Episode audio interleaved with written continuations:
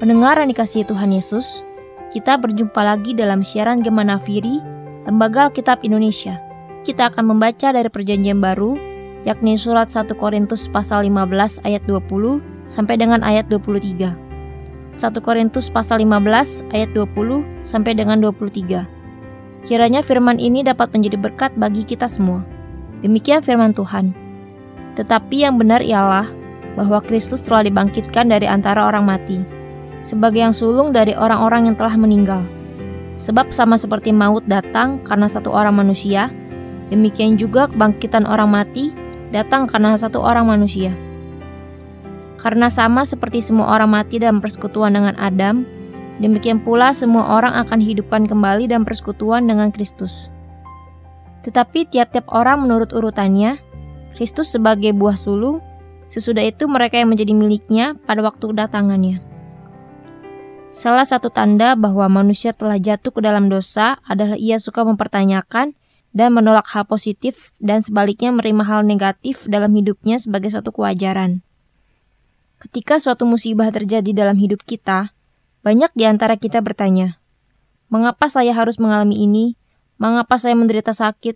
Mengapa saya gagal dalam ujian?" Kita protes dan menolak masalah yang menyulitkan kita. Namun, Protes dan penolakan kita sesungguhnya sangat ganjil dan tidak logis. Adalah wajar dan alamiah bila kita menjadi tua. Adalah alamiah bila kita mengalami sakit. Adalah alamiah bila kita mati karena kita tidak dapat menghindari kematian. Semua itu fakta yang ada di hadapan kita, sehingga kita tidak dapat menolaknya. Karena itu aneh sekali jika kita mempertanyakan, menolak, bahkan berusaha menghindari semua itu. Sebagaimana hidup adalah kewajaran, maka kematian pun adalah kewajaran. Semua manusia tentu mengidam-idamkan sebuah kehidupan yang lancar, sehat, makmur, dan nyaman. Dalam Alkitab pada kitab kejadian dituliskan, pada mulanya Allah menciptakan dunia beserta isinya. Semua dalam keadaan baik. Allah sendiri setelah selesai menciptakannya memberi evaluasi, semua amat sangat baik. Semua hal negatif seperti penderitaan, malapetaka, sakit, bencana tidak ada dalam penciptaannya. Allah memang menciptakan kita untuk hidup dalam kebahagiaan, kesehatan, kesuksesan, dan kekayaan. Namun karena kejatuhan manusia dalam dosa, membuat semua hal yang serba positif itu berubah menjadi hal-hal negatif. Karena ketidaktaatan pada penciptanya, manusia dan seluruh isi dunia jatuh ke dalam dosa. Semenjak itu, dunia yang kita temui bukan lagi dunia dalam kondisi orisinalnya. Dosa telah membuat hidup manusia dapat diringkas menjadi perjalanan. Lahir, tua, sakit, dan mati. Dan setiap tahapan itu ada penderitaan yang harus dilalui. Namun demikian, dalam segala hal yang tidak menyenangkan kita, kita tetap merasakan penyertaan Tuhan. Untuk itu, sebagai anak-anak Tuhan, tetaplah kita mengucap syukur dan bersuka cita dalam setiap kondisi hidup kita. Sebagai umat pilihan Allah, kita patut mengucap syukur karena Allah terus memikirkan kita. Bahkan ia rela memberikan anaknya yang tunggal sebagai korban penebus dosa manusia. Anak Allah yang kudus telah mati dan pada hari yang ketiga ia bangkit dari maut. Yesus telah mengalahkan dosa dan maut sehingga kita semua dilayakkan untuk menerima keselamatan dan hidup kekal kelak di sorga nanti. Tanpa peran serta Allah, manusia tidak memiliki masa depan. Hal ini juga ditegaskan oleh Rasul Paulus dalam Roma pasal 8 ayat 20. Seluruh makhluk telah ditaklukkan kepada kesia-siaan, bukan oleh kehendaknya sendiri, tetapi oleh kehendak dia yang telah menaklukkannya. Kebinasaan akan membuat hidup manusia menjadi sebuah kesia-siaan. Apa yang manusia miliki hanyalah masa lalu.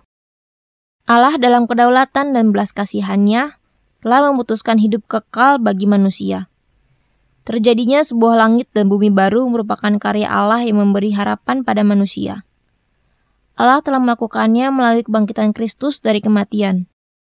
Hal itu menyebabkan kebangkitan Kristus berbeda dengan mujizat-mujizatnya, karena setelah kebangkitannya, Yesus tidak mati lagi, melainkan naik ke sorga. Hidup yang dimilikinya adalah hidup surgawi. Yesus telah menjamin dan menyiapkan tempat kita di sorga sehingga manusia yang percaya dan melakukan kehendaknya beroleh hidup kekal bersamanya di sorga. Kebangkitan Kristus merupakan tulang punggung iman Kristen. Tanpa kebangkitan Kristus, iman kita itu kosong. Tanpa kebangkitan, maka hidup kita hanya untuk kematian yang bisa terjadi kapan pun. Dengan demikian, marilah kita hidup di dalam dan bagi Tuhan, karena hal itu tidak sia-sia. Rasul Paulus menegaskan dalam 1 Korintus 15 ayat yang ke-58. Berdirilah teguh, Jangan goyah dan giatlah selalu dalam pekerjaan Tuhan. Sebab kamu tahu bahwa dalam persekutuan dengan Tuhan jeripayahmu tidak sia-sia.